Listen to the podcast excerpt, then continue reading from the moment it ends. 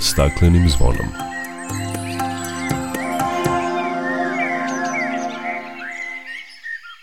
Dobar dan i dobrodošli na Zeleni talas prvog programa radija Radio Televizije Vojvodine. Ja sam Dragana Ratković.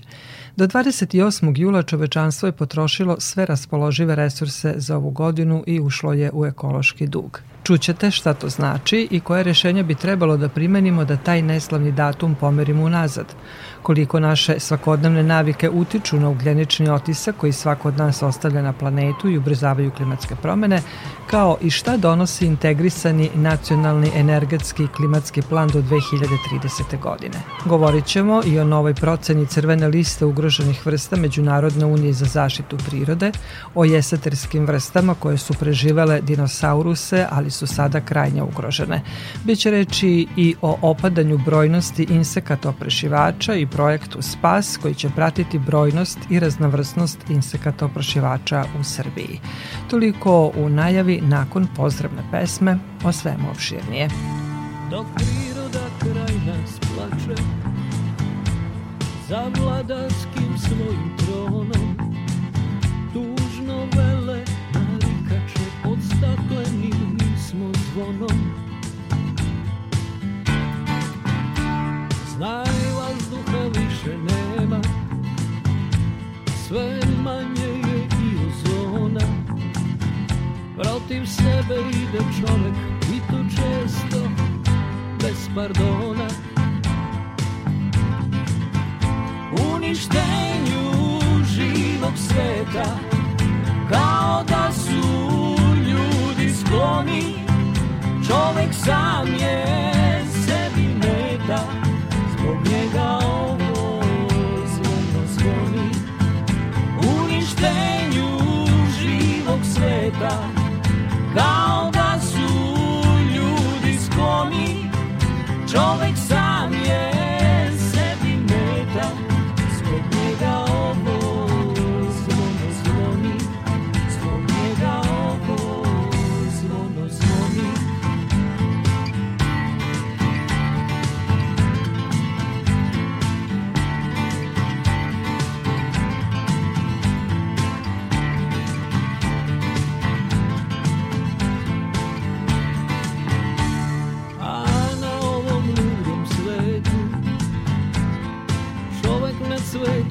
ćonom Šta nudimo to detetu od stakleni kad smo zvonom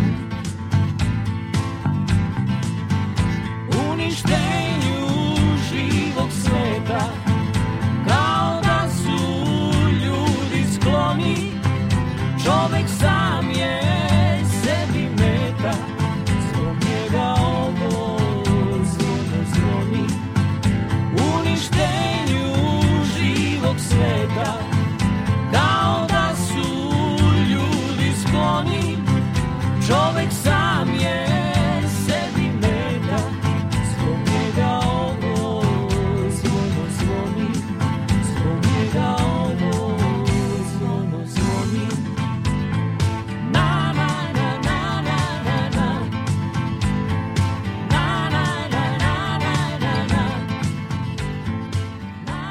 Ove godine 28. juli je dan kada je čovečanstvo zvanično potrošilo sve resurse predviđene za ovu godinu koje ekosistemi mogu da obnove i od tog dana nalazimo se u ekološkom dugu. O ovoj temi razgovaram sa izvršnom direktorkom Svetske organizacije za prirodu WWF Adria Natašom Kalauz. Nataša, dobar dan i dobrodošli na Talasa Radija Novog Sada. Dobar dan i hvala na pozivu. Dan ekološkog duga dolazi nam ranije nego prošle godine, dok je pre dve godine zbog pandemije virusa korona taj dan bio pomeren 24 dana unazad, pošto je čovečanstvo trošilo manje resursa. Možda smo se i ponadali da možemo da smanjimo ekološki dug, no za većinu država širom sveta ovaj neslavni datum već je prošao. Šta nam to govori i ukazuje? Pa mislim da je svima jasno da nam to govori kako mi se nismo osvijestili i nismo još uvijek prihvatili činjenicu da naprosto trošimo značajno više prirodnih resursa nego što zemlja može obnoviti u jednoj godini.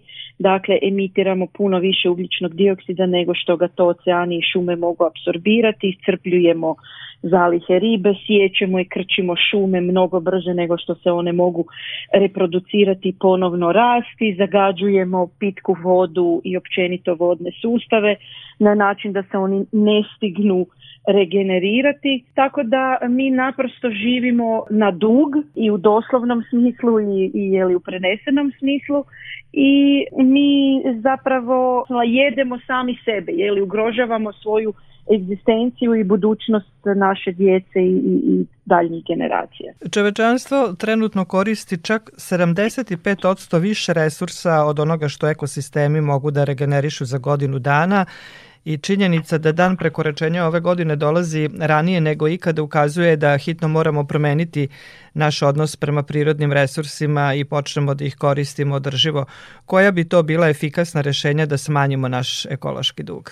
Pa to je nešto oko čega traju neprekidne rasprave. Naime, mislim da moramo biti svjesni da rješenja koja zagovaraju povratak na životni stil kakav su možda imali naši bake i djedovi nije realan. Smo dakle proveli opsežna istraživanja diljem svijeta i potpuno je jasno da su ljudi nespremni na povratak na staro. Dakle, mi moramo tražiti tehnološka rješenja i rješenja koja će nam omogućiti suživot čovjeka i prirode na način da se prilagodimo i klimatskim promjenama, ali i da probamo smanjiti svoj utjecaj na prirodu kroz napredna tehnološka rješenja. Bojim se da neke druge velike opcije nema. Ono što svakako možemo i trebamo, a to je inzistirati na prelasku sa fosilnih industrija i fosilne energije na obnovljive izvore energije.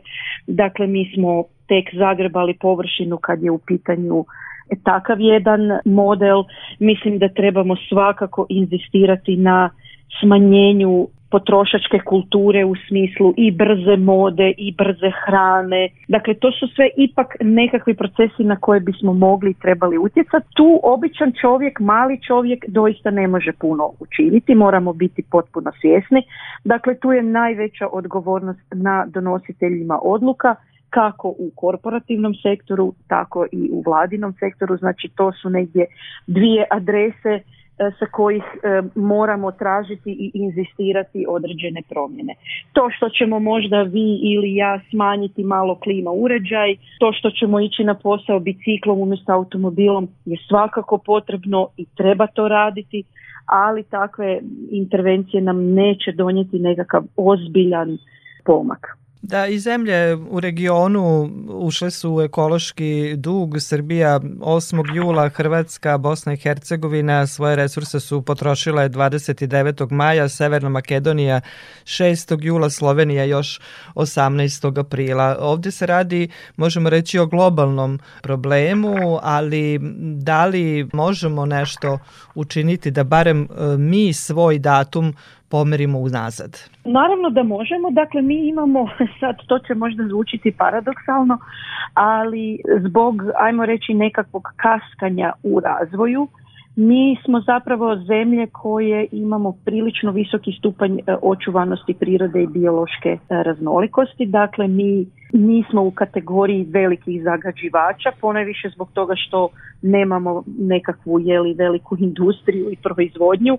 Mali smo i imamo dakle demografske trendove koji su takvi danas je sve manje i manje. Ono što mi svakako bismo trebali je ozbiljno porazmisliti o našem konceptu razvoja. Dakle, umjesto da kopiramo rješenja koja su potpuno zastarjela i umjesto da kopiramo rješenja koja su primjerice u zapadnoj Europi mi sada znamo da nisu dobra, mi imamo priliku doista preskočiti jedan cijeli razvojni ciklus, dakle kompletno preskočiti industrijsku revoluciju i tehnološku revoluciju i ući sada u ovu potpuno zadnju najnapredniju dakle revoluciju i svoje ekonomije i svoja društva prilagoditi na takav jedan puno sofisticiraniji model razvoja. Da li ćemo mi za to imati kapaciteta? E to je sada veliko pitanje. Mi još uvijek imamo relativno nisku razvijenu svijest po tom pitanju i ja nekako polažem nade i u mlade generacije koji su puno osvješteniji po tom pitanju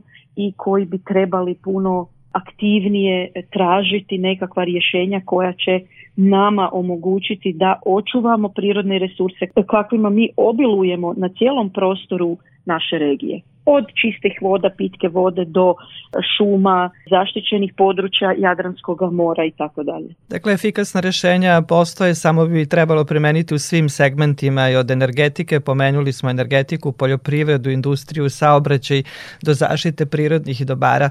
Nataša, hvala vam lepo za razgovor i učešću u programu Radija Novog Sada. Hvala vama na pozivu i lijepi pozdrav.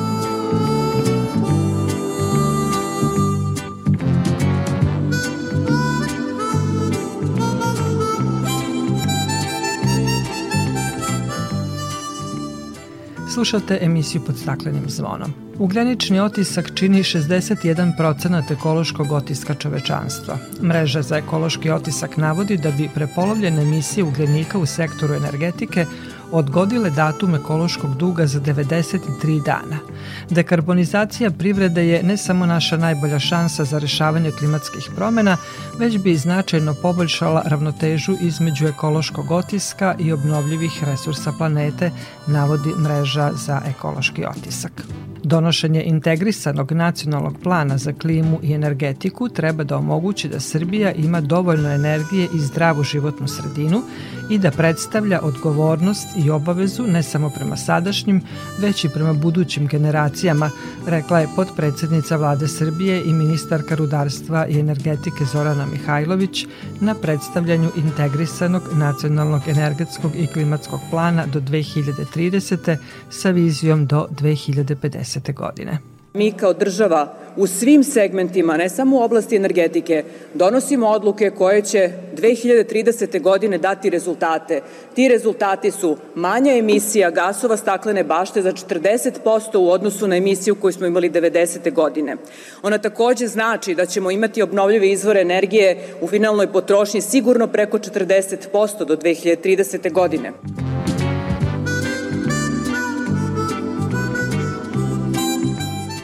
Šef delegacije Evropske unije u Republici Srbiji Emanuel Giofre rekao je da nacionalni energetski klimatski plan Srbije treba da postavi ambiciozne ciljeve za smanjenje gasova sa efektom staklene bašte, brz prelazak na obnovljive izvore energije poput vetra i sunca i veću energetsku efikasnost do 2030. godine. Spremni smo da pomognemo oko energetske tranzicije i ambicioznih ciljeva razmenom tehničkih znanja, ali i finansijskom podrškom Evropske unije, bilo u vidu bespovratne pomoći, povoljnih zajmova i garancija ili mešovitih rešenja. Zajedno sa našim srpskim partnerima, Evropska unija napreduje u diverzifikaciji energetskih izvora i ruta za snabdevanje. Ministarka Mihajlović je poručila da je ovaj plan samo početak rada na unapređenju kvaliteta života u Srbiji i očuvanju životne sredine sredine, a da je namera resornog ministarstva da plan bude transparentno predstavljen i građanima i nadležnim institucijama kako bi bili svesni njegovog značaja i doprineli njegovoj realizaciji.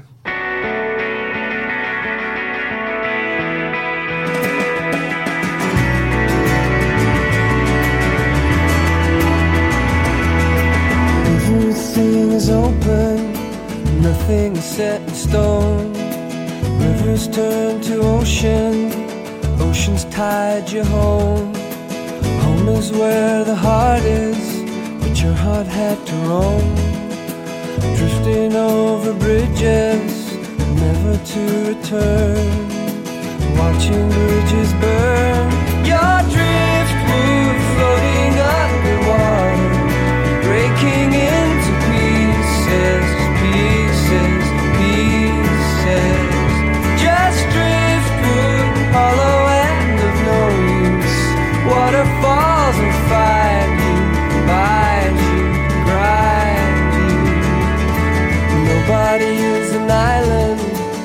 everyone has to go.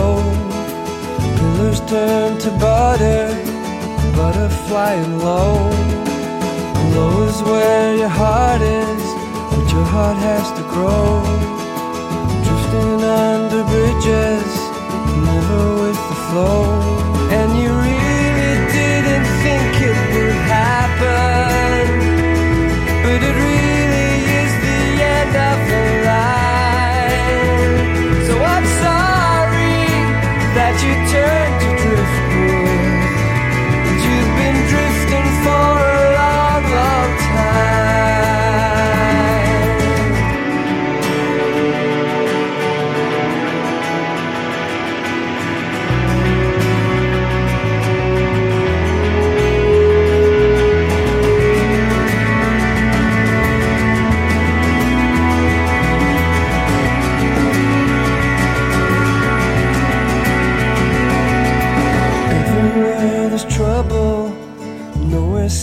go.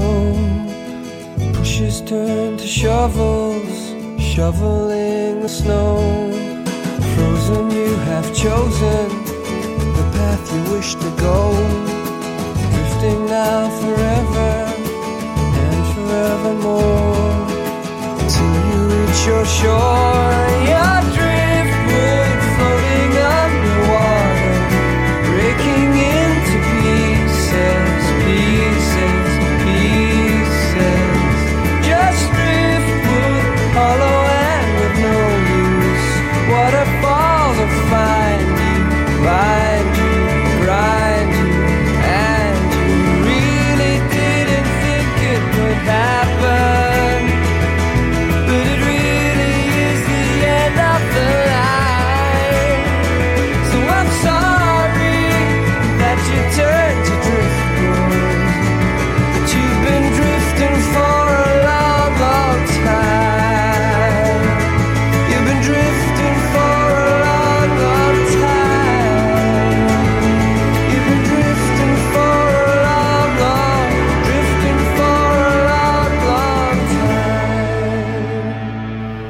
Slušate emisiju pod staklenim zvonom. U prošloj emisiji govorili smo o izložbi Priroda budućnosti i programima Klimatska kapsula i Ekotopije kao delu projekta Ekotisak koji realizuje Centar za promociju nauke iz Beograda u saradnji sa partnerima Filozofskim fakultetom i Akademijom umetnosti Univerziteta u Novom Sadu i organizacijom Zeleni Sad. Jedna od aktivnosti projekta Ekotisak je anketa o našim svakodnevnim navikama i kako se one reflektuju na ugljenični otisak kao svojevrsni trag koji svako od nas ostavlja na planetu i time utiče na ubrzanje klimatskih promena. Tim povodom na telefonskoj liniji je Ilija Milovanović sa Filozofskog fakulteta u Novom Sadu kojem najpre želim dobar dan i dobrodošlicu na Zeleni talas Radio Novog Sada. Dobar dan i bolje vas našli i hvala vam na pozivu. Profesore Milanoviću, kakva su pitanja bila postavljena građanima i kakve odgovore ste dobili? Zapravo u našoj anketi pitanja su bila grupisana u četiri klastera. Prvi su ona pitanja koje se odnose na domaćinstvo, drugi one koje se odnose na odeću, to je korišćenje prirodnih i veštačkih materijala, zatim pitanja koje se odnose na transport i pitanje koje se odnose na upotrebu hrane.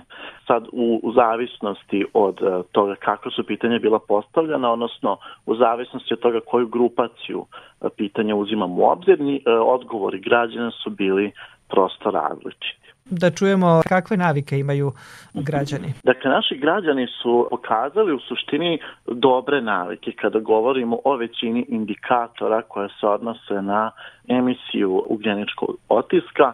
Kada govorimo o domaćinstvu, ono što je dobra stvar jeste što građani zapravo troše najviše 5 do 10 minuta dnevno na tuširanje, što smanje zapravo emisiju CO2. Što se duže tuširamo, naravno ta emisija je veća. Međutim, kada se govori o pranju posuđa, dobili smo podatak da naši građani većinom posuđe pere ručno, što povećava zapravo emisiju ugljeničnog otiska ako poredimo sa korišćenjem mašine za pranje suđa. Tako da, kada govorimo o domaćinstvu, neki nalazi su u suštini oprečni, ali većina nalaza u kontekstu ovih pitanja su zapravo ohrabrujući za naše okruženje. Kada govorimo o odeći i upotrebi različitih materijala, naši građani su takođe pokazali izuzetno dobre stavove, odnosno izuzetno adekvatna ponašanja. Većinom kupuju prirodne materijale za ode, u kontekstu kupovine odeće. Najčešće kupuju samo kada je potrebno, ne upotrebljavaju novac u svrhe rasipanja na odeću i, i menjanja često garderobe. A ono što se pokazalo kao zanimljivo jeste i da je akcija naplata zapravo plastičnih kesa isto urodila plodom s obzirom da građani upotrebljavaju plastične kese mnogo ređe nego ranije. Kada govorimo o transportu, ono što je ohrabrujuće jeste da se sve manje koristi gradski prevoz, ali ono što nije ohrabrujuće jeste da se sve češće koriste automobili. Međutim, oko trećine građana zapravo na posao najčešće ide biciklom ili peške, što takođe smanje emisiju ugljeničnog otiska. I poslednje jeste hrana. Kada govorimo o hrani, e, većina građana, odnosno više od 50% naših ispitanika, rekla je da najčešće konzumira piletinu, a poznato je da piletina od sveg mesa zapravo emituje, te spremanje piletine emituje najmanje graničnog otiska, isto tako uravnoteženo koriste mleko i mlečne proizvode, međutim nešto više koriste hleb i kafu, što je zapravo indikator toga da e, te namirnice treba smanjiti, odnosno da treba naći neke adekvatne zamene koje manje emituju zapravo ugljenični otisak. Da li su građani svesni da svojim ponašanjem utiču na ubrzane klimatske promene? Nismo konkretno ispitivali e, tim pitanjem naše građane, međutim ono što se u ranijim istraživanjima pokazalo jeste da većinom oni jesu svesni da svojim ponašanjem utiču na promene, ali sve to na individualnoj odgovornosti, odnosno da nisu svesni da ako želimo globalne promene, da bi trebalo da delujemo lokalno, počeši od svog domaćinstva. Tako da je neki naredni korak u našim istraživanjima takav da osvestimo građane da e, zapravo lokalno delovanje jeste nešto što je jako važno kada govorimo u kontekstu globalnih promena koje se odnose na emisiju CO2. Po ovoj vašoj anketi, rezultatima ankete, reklo bi se da građani imaju visoku ekološku svest. Jest. U prvom delu istraživanja smo zapravo poredili Novi Sad sa ostatkom ispitanika, odnosno iz ostalih gradova i ispostavilo se da zapravo građani Novog Sada imaju nešto više razvijenu ekološku svest u odnosu na ostatak naše države, tako da to jeste jedno hrabrući podatak s obzirom da eto, dakle, Novi Sad predstavlja možda početnu tačku promena u ovom kontekstu. Profesora Milovanoviću, hvala vam lepo za razgovor i učešću u programu Radio Novog Sada. Hvala vama.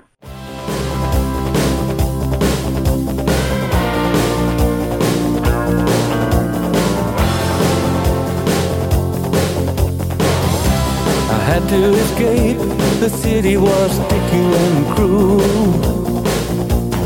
Maybe I should have called you first, but I was dying to get to you. I was dreaming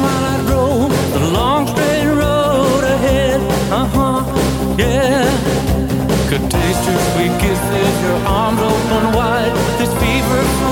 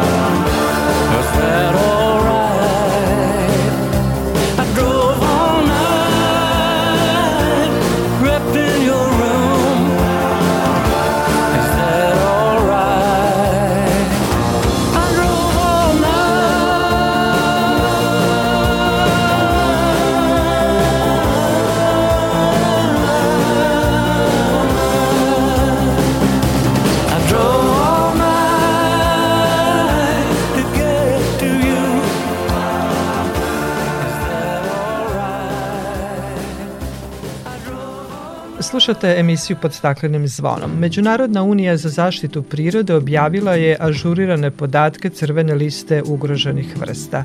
Kakav je globalni prikaz stanja biljnog i životinskog sveta, koje vrste su ugrožene, kojima preti opasnost izumiranja, O tome razgovaram sa Milicom Mišković, saradnicom za zaštitu vrsta u regionalnoj kancelariji IUCN-a za Istočnu Evropu i Centralnu Aziju u Beogradu. Milice, dobrodošli na Talasa Radio Novog Sada. Hvala vam na pozivu. Milice, kakvi su rezultati procene crvene liste ugroženih vrsta? Da li su zabrinjavajući? Koliko je vrsta procenjeno i koliko je njih ugroženo? Da, naravno uvek su zabrinjavajući. IUCN redovno ažurira crvenu listu gde pri svakom novom a, ciklusu ažuriranja trudimo se da imamo više vrsta procenjenih. Naravno nisu sve vrste na ovoj planeti ni poznate, ali one koje su poznate naravno nisu sve procenjene jer to su ogromni napori da, da se procene urade.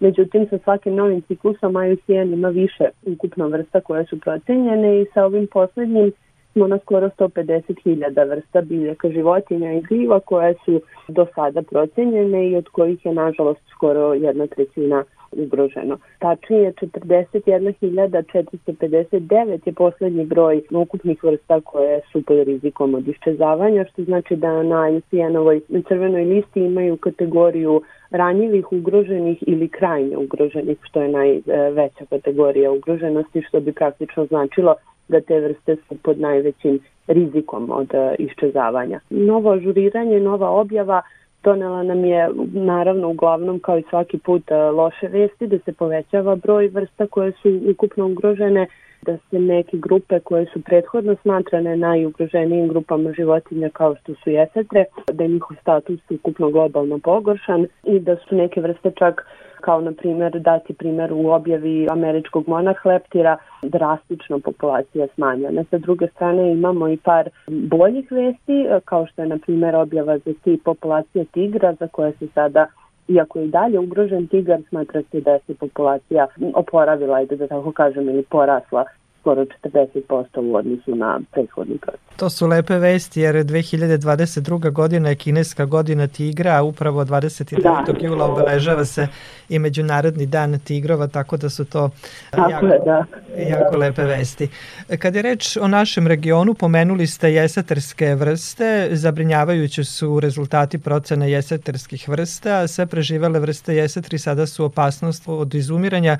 Šta je uzrok tome? Samo da kažemo da jeseterske vrste su nadživale dinosaurus, ali nažalost sada izumiru zbog nas, ljudi. Upravo tako, jedna od najstarijih grupa životinja koja je evo, uspela da preživi velike događaje masovnih izumiranja do sada, a sada smo i mi doveli na rub nestanka na svetu od 26 preostalih vrsta jesetri, znači oni upadaju tu porodicu jesetri u, u, u grupu riba koje su najkrupnije slatkovodne životinje izuzetno interesantne, kao što ste već rekli, zbog svoje duge evolucije i prisutnosti na ovoj planeti, interesantne zbog toga što migriraju, nasiljavaju i slatkovodne i, i, ovaj, i morske ekosisteme, odnosno ulaze u reke da bi se mestile u rekama. I samim tim njihova potreba broji više struke e, faktore od uslova u rekama do mogućnosti migracije a opet sa druge strane znamo i da su izuzetno poželjne vrste za ulov zbog kavijara i zbog samog mesa koji se smatra ovaj, vrlo kvalitetnim, tako da tu postoje dva pritiska u smislu gubljenja staništa i silnih modifikacija i promena koje imamo na rekama, pa do direktnog pritiska u smislu i ulova jesetri i prilova, odnosno pri ulogu drugih vrsta jesetre se takođe nađu u, u mrežama. Činjenica je da se jednostavno pritisak na njih u tom smislu povećao zadnjih 50 godina što sa našom rastućom infrastrukturom, što sa poboljšanim mogućnostima da se takva vrsta uopšte ulovi i kojom količinom iako su na, u mnogim zemljama i u međunarodnim konvencijama to pokušano da se reguliše i stavljene su zabrane činjenica da i dalje postoji ogroman pritisak krivolova, crnog tržišta za kavijar, za meso i tako dalje i da naravno nije regulisan ni taj problem prilova. Tako da do, dođemo do toga da je e, ova nova procena ICN-ove crvene liste zaključila da su sada sve vrste JS3 ugrožene, za razliku od 2009. kada smo imali, opet kažem, bile su naj, smatrane su najugroženijom grupom životinja i tada, ali 85% jesetri bilo ugroženo, ali sada smo na 100% i apsolutno smo, već gubimo neke vrste, već smo izgubili, proglasili za iščegle u divljini dve vrste jesetri koje se nalazile u Kini. Što se tiče našeg regiona, ovaj Dunav je apsolutno najvažnije stanište, najvažnija reka za jesetre u Evropi. Od šest dunavskih jesetri jedna se smatra da je iščezlo iz Dunava jer stvarno već jako dugo ne postoje nikakvi podaci o ulovu i prisustvu ove vrste, to je Atlantska jesetra, a za ostale, kao što sam rekla, znači ta, taj problem menjanja reke i menjanja toka i modifikacija struktura reke, kod nas konkretno naravno izgradnjom Đerdapa i ovaj hidroelektrane na Đerdapskoj klisuri je značajno promenjen tok Dunava i bukvalno otkinut veliki deo gornjeg i srednjeg toka Dunava od vrsta koje migriraju iz eh, Crnog mora. Tako da mi trenutno imamo situaciju gde od pet preostalih vrsta dunavskih jesetri, četiri su krajnje ugrožene, što, sam, što je kao što sam rekla najveća kategorija ugroženosti, dok jedna kečiga koju i, i mi ovde imamo, od preostalih ona je u najboljem stanju, međutim i ona je ugrožena ranjiva na crvenoj listi i kao što znamo u našoj zemlji ranije su postojala ograničenja za ulov kečige, sada je to sprovedena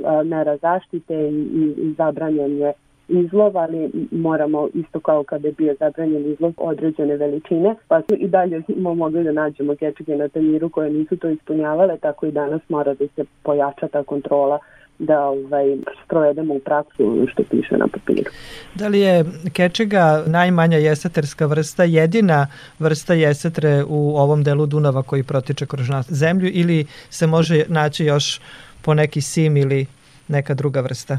Kada je nešto redko, onda samim tim je ovaj teško i, i, i da tako kažem ustanoviti tačni brojnost ovaj populacija. Postoje neki programi reintrodukcije da se određene vrste vraćaju, postoji još jedna uh, hidroelektrana Brana u Slovačkoj koja je podelila taj tok na gornji, srednji Dunav i, onda imamo taj poslednji tok od Sjerdapske Sisure pa do Crnog mora, tako da one, da tako kažem, opstaju, ali nedostatak tih uh, prolaza za, za ribe zaista je, je ogroman problem i prepreka da, da one migriraju. Da li se nešto preduzima da se ove vrste zaštite i spreče njihovo izumiranje?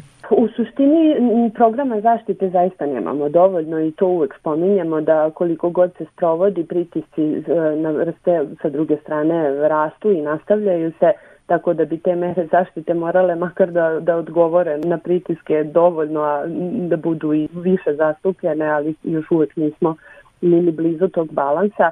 Najbitnije je da ne bi trčali dva koraka iza i, i vraćali vrste sa ivice istrebljenja, pre svega je važno biti proaktivan i sprečiti pritiske koje dovode do nestanka tih vrsta. Znači konkretno kada pričamo o jesetrama i bilo kojim drugim ovaj, slatkovodnim vrstama modifikacije reka su sada evo ponovo tema i, i izgradnja brana i druge vrste stvaranja nasipa, eksploatacije nanosa i tako dalje, bitne ne samo za opstanak tih vrsta, nego jednostavno i za regulisanje i održavanje celog rečnog ekosistema. Moramo planirati adekvatno na održiv način da sačuvamo funkcionisanje tog ekosistema i sprečiti te direktne vrste e, pritisaka na opstanak e, i biljnog i životinskog sveta. Sa druge strane, postoje da efikasne mere zaštite koje se sprovode za mnoge vrste i evo na primjeru tigra kao što smo pomenuli ranije, to je dokaz da mere zaštite funkcionišu i da kada se adekvatno primene,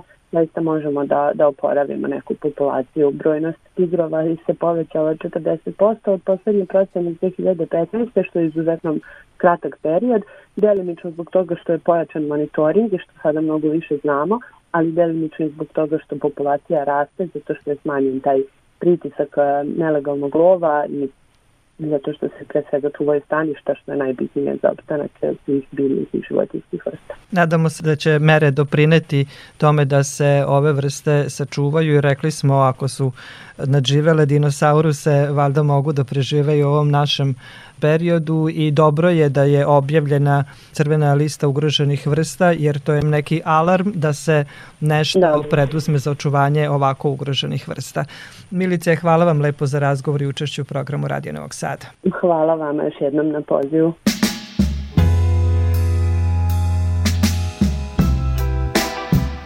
For you I was a flame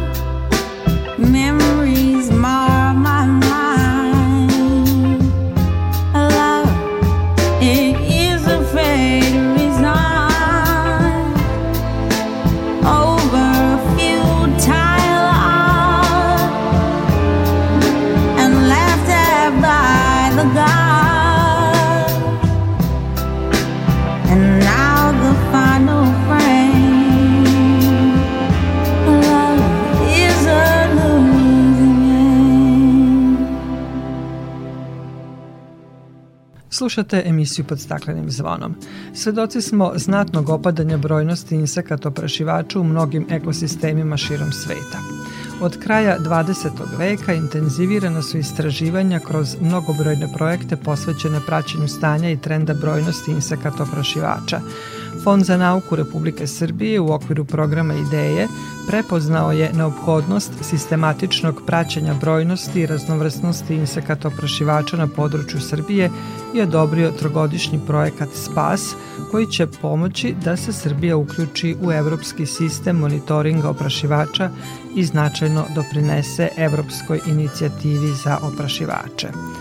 O ovom projektu razgovarala sam sa naučnom saradnicom instituta Biosens Marijom Miličić. Insekti i oprašivači imaju značajnu ulogu u ekosistemu i proizvodnji hrane, čak 75 posto proizvodnje hrane zavisi od insekata oprašivača. Tako je, po procenama u Evropskoj uniji čak 75%, kao što ste rekli, hrane zavisi od insekata oprašivača. Ako to pokušamo da prevedemo u, u neke monetarne vrednosti, procena je da ekosistemska usluga polinacije vredi čak 15 milijardi dolara. I pored toga beleži se opadanje brojnosti pojedinih vrsta insekata oprašivača. Koji su razlozi za to? Razlozi za opadanje brojnosti insekata oprašivača su brojni, pre svega to je gubitak njihovog staništa, dakle degradacija, uništavanje staništa koje su bitne za insekte, zatim klimatske promene su takođe jedan od veoma značajnih razloga, a tu su svakako i različiti vidovi zagađenja poput prekomerne upotrebe pesticida.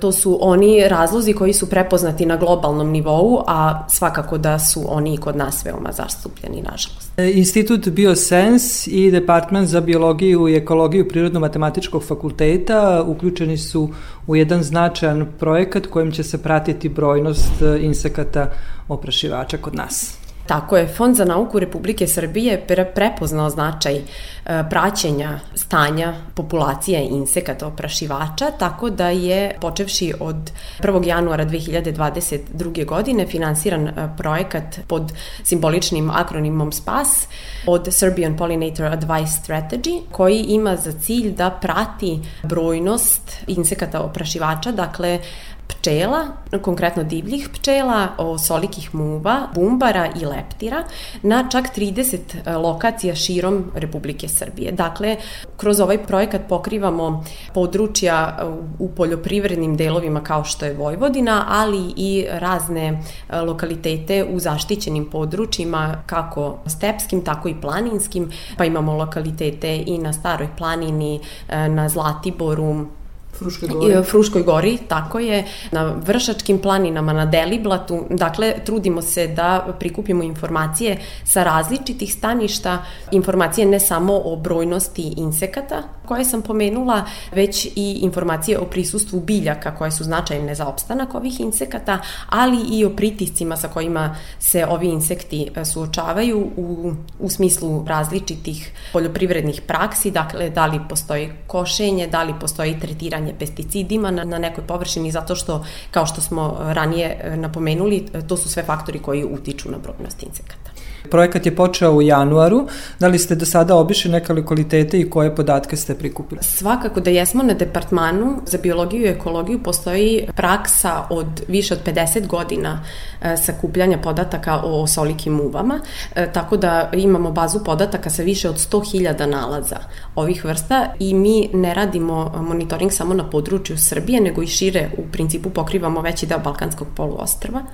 A e, što se tiče monitoringa pčela i leptira, to je nešto što je, da kažem, u začetku. Konkretno što se tiče uh, divljih pčela, postao je jedan evropski projekat u kom smo učestvovali pre nekih 7-8 godina, tokom kojeg je započet i monitoring pčela, međutim, uh, to je bilo ograničeno samo na područje Vojvodine sada širimo i na ostale regione Srbije i monitoring pčela, a što se tiče leptira, tu smo na početku. Koliko vrsta na našem području imamo insekata oprašivača. U Srbiji je do sada registrovano oko 200 vrsta dnevnih leptira, preko 400 vrsta osolikih muva i preko 700 vrsta pčela. S tim što moram napomenuti da je zaista istraživanja pčela su na nezavidnom nivou generalno u Evropi i postoji e, manjak eksperata koji se bave ovom grupom tako da tu postoji još mnogo prostora za rad, kako za otkrivanje novih vrsta, tako i za rešavanje nekih nedoumica koje, koje postoje u, među ovim do sada poznatim vrstama. Na završetku projekta podaci će koristiti za šta? Mi prikupljanjem ovih podataka, dakle ne samo o, o brojnosti i bogatstvu insekata oprašivača, već i o ovim drugim parametrima koje sam pomenula, pokušavamo da otkrijemo koji su to glavni faktori koji na, na području Srbije utiču na brojnost oprašivača, a takođe ovaj projekat je zapravo pilot istraživanje. Mi pokušavamo da uspostavimo dugotrajni monitoring. Dakle, da bismo mogli shvatiti šta se dešava sa, sa insektima oprašivačima ili bilo kojom grupom generalno, potrebno da je da imamo kontinuirane podatke iz istih područja iz istog vremenskog intervala tokom svake godine da bismo prosto mogli da ustanovimo taj trend da li dolazi do opadanja brojnosti u kojoj meri, a zatim da te podatke povežemo sa određenim faktorima koji mogu uticati na takav obrazac. Koje se mere primenjuju da bi se smanjilo opadanje brojnosti e, tih vrsta insekata koje ste spomenuli? Konkretno kroz ovaj projekat naša ideja je da upoznamo stanovništvo i sa merama koje oni konkretno mogu preduzeti da bismo ove insekte sačuvali. Dakle, može se to sumirati i reći da je primarno da im obezbedimo hranu i da im obezbedimo mesto gde će preživeti nepovoljne uslove i gde će se gnezditi. U tom smislu potrebno je saditi što svako od nas može da uradi u svojoj bašti ili na terasi, određene biljne vrste koje su pogodne za oprašivače ili ukoliko imamo kuću, dvorište, da ne kosimo travu, svima je lepo kad travnjak je ravan i, i nema nikakav cvetić na njemu. Međutim, za insekte oprašivače je ovo pogubno, zato što na taj način uništavamo njima izvor hrane. Tako da ukoliko bismo samo malo produžili period između košenja ili ostavili neki deo površine nepokošen, koji koji će obezbediti njima odgovarajuće izvore hrane, to bi mnogo doprinelo očuvanju insekata.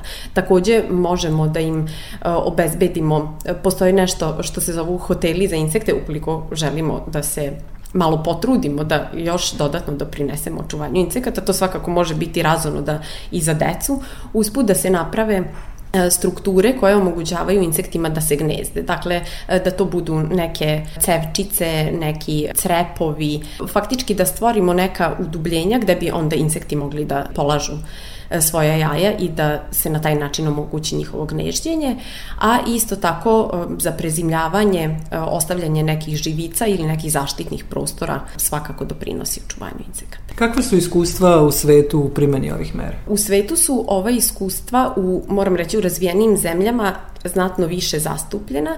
Tako recimo u Holandiji postoji e, akcija koja se zove No Mow May, gde tokom maja uopšte ne vrše košenje na javnim površinama i na taj način podržavaju populacije insekata. Međutim, dobra stvar je što sve više i više prepoznat značaj insekata oprašivača, pa samim tim se sve veći i veći napori ulažu u različitim državama da se ovi insekti očuvaju, a isto tako obuka stanovništva o njihovom značaju, a samim tim i merama koje sami ljudi mogu da primene da bi doprineli očuvanju insekata jeste u ekspanziji. Da li ima takvih slučajeva kod nas, nekih primera dobre prakse, da tako kažem? Ja, nažalost, ne mogu reći da sam upoznata sa njima. Svakako u nekim zaštićenim područjima e, postoje određene mere, ali u urbanim sredinama mislim da je za sada još i dalje to na nivou pojedinaca, ali e, svakako ovo može biti apel e, da se i lokalna samuprava, zašto ne, uključi u neki ovakav vid doprinosa očuvanju polinatora, pa da se organizuju neke pre svega e, radionice da se ljudi upoznaju šta je to što treba uraditi, a onda i da se, zašto ne na nekim javnim površinama primenjuju ove primeri dobre prakse koje, sa kojima smo imali prilike da se upoznamo iz regiona. Postoji dosta krovova koje bi bili pogodni za postavljanje nekih zelenih površina koje bi mogle recimo doprineti očuvanju insekta. Pričali smo o insektima, oprašivačima, o samom projektu, a možda na kraju jedan apel da kažete još jednom istaknete značaj insekata oprašivača. E, hvala vam na toj prilici. Bez insekata oprašivača vrlo brzo ne bi bilo ni nas. To je onako sumarno i jedna rečenica koja oslikava koliko su oni značajni zbog toga što ogroman procenat naše hrane koju konzumiramo zavisi od njihovog prisustva. Pored toga što je ekosistemska usluga oprašivanja značajna, ovi e, insekti imaju i razne druge uloge u ekosistemu i ukoliko izuzmete jednu karitku iz lanca, ceo sistem može da se uruši. Tako da svakako ne želimo da se to desi, tako da uh, uradite ono što je do vas, nemojte kositi travu svake nedelje i posadite neko lepo cveće na terasi, to će insektima mnogo značiti. Hvala vam lepo za razgovor i učešću u programu Radio Novog Sada. Hvala vama.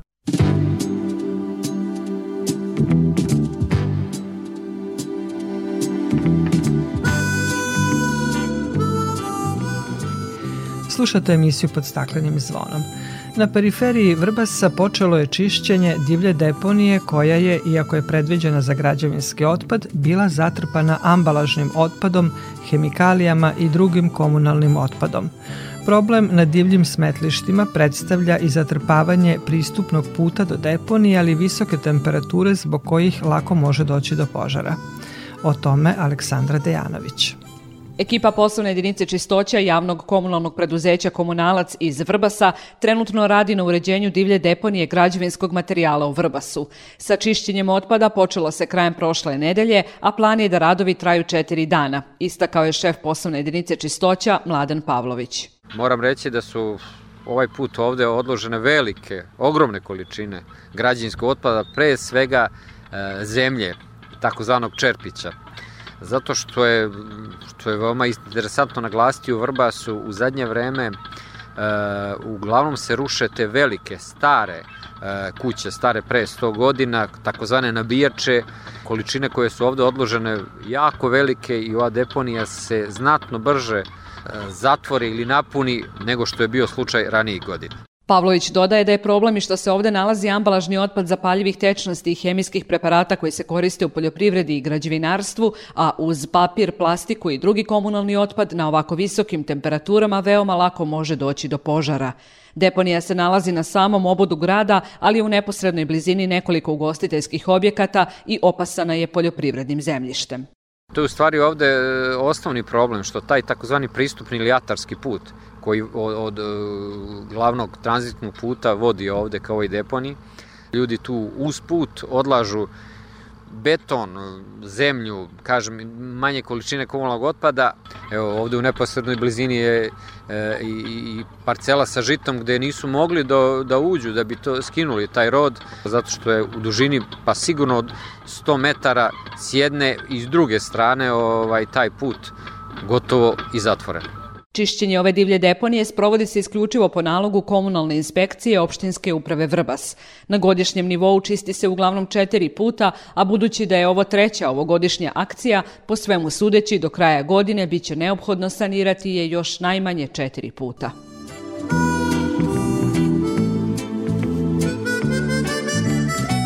A u ovim vrelim danima mnogi su spas od vrućine potražili na Beloj steni, omiljenom kupalištu Pančevaca, ali i Beograđana, Kačaravačkom jezeru, kao i drugim kupalištima na području Pančeva.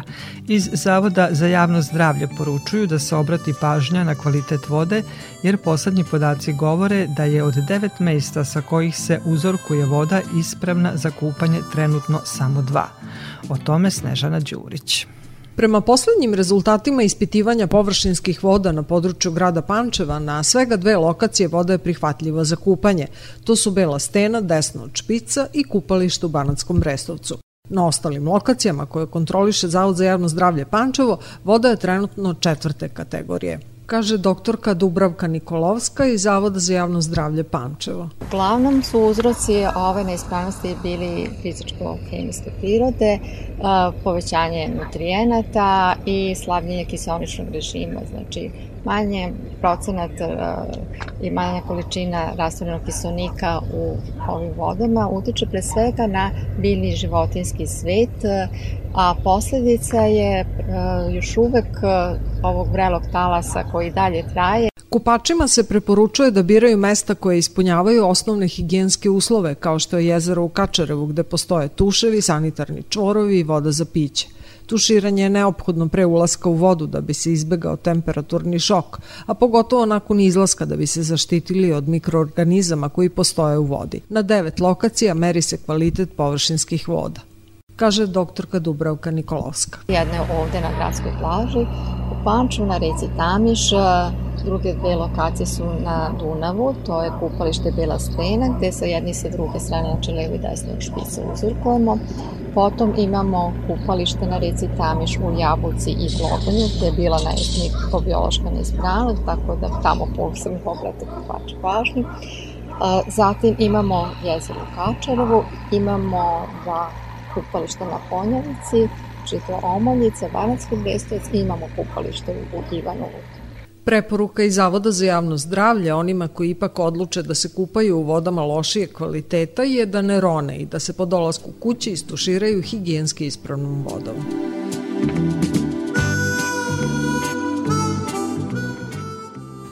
Toliko za ovo izdanje emisije pod staklenim zvonom koju možete slušati i odloženo na podcastu Radio Televizije Vojvodine na adresi rtv.rs.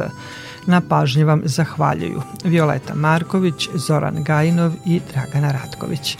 Sledeći susret zakazujemo za sedam dana u isto vreme na zelenom talasu prvog programa radija Radio Televizije Vojvodine.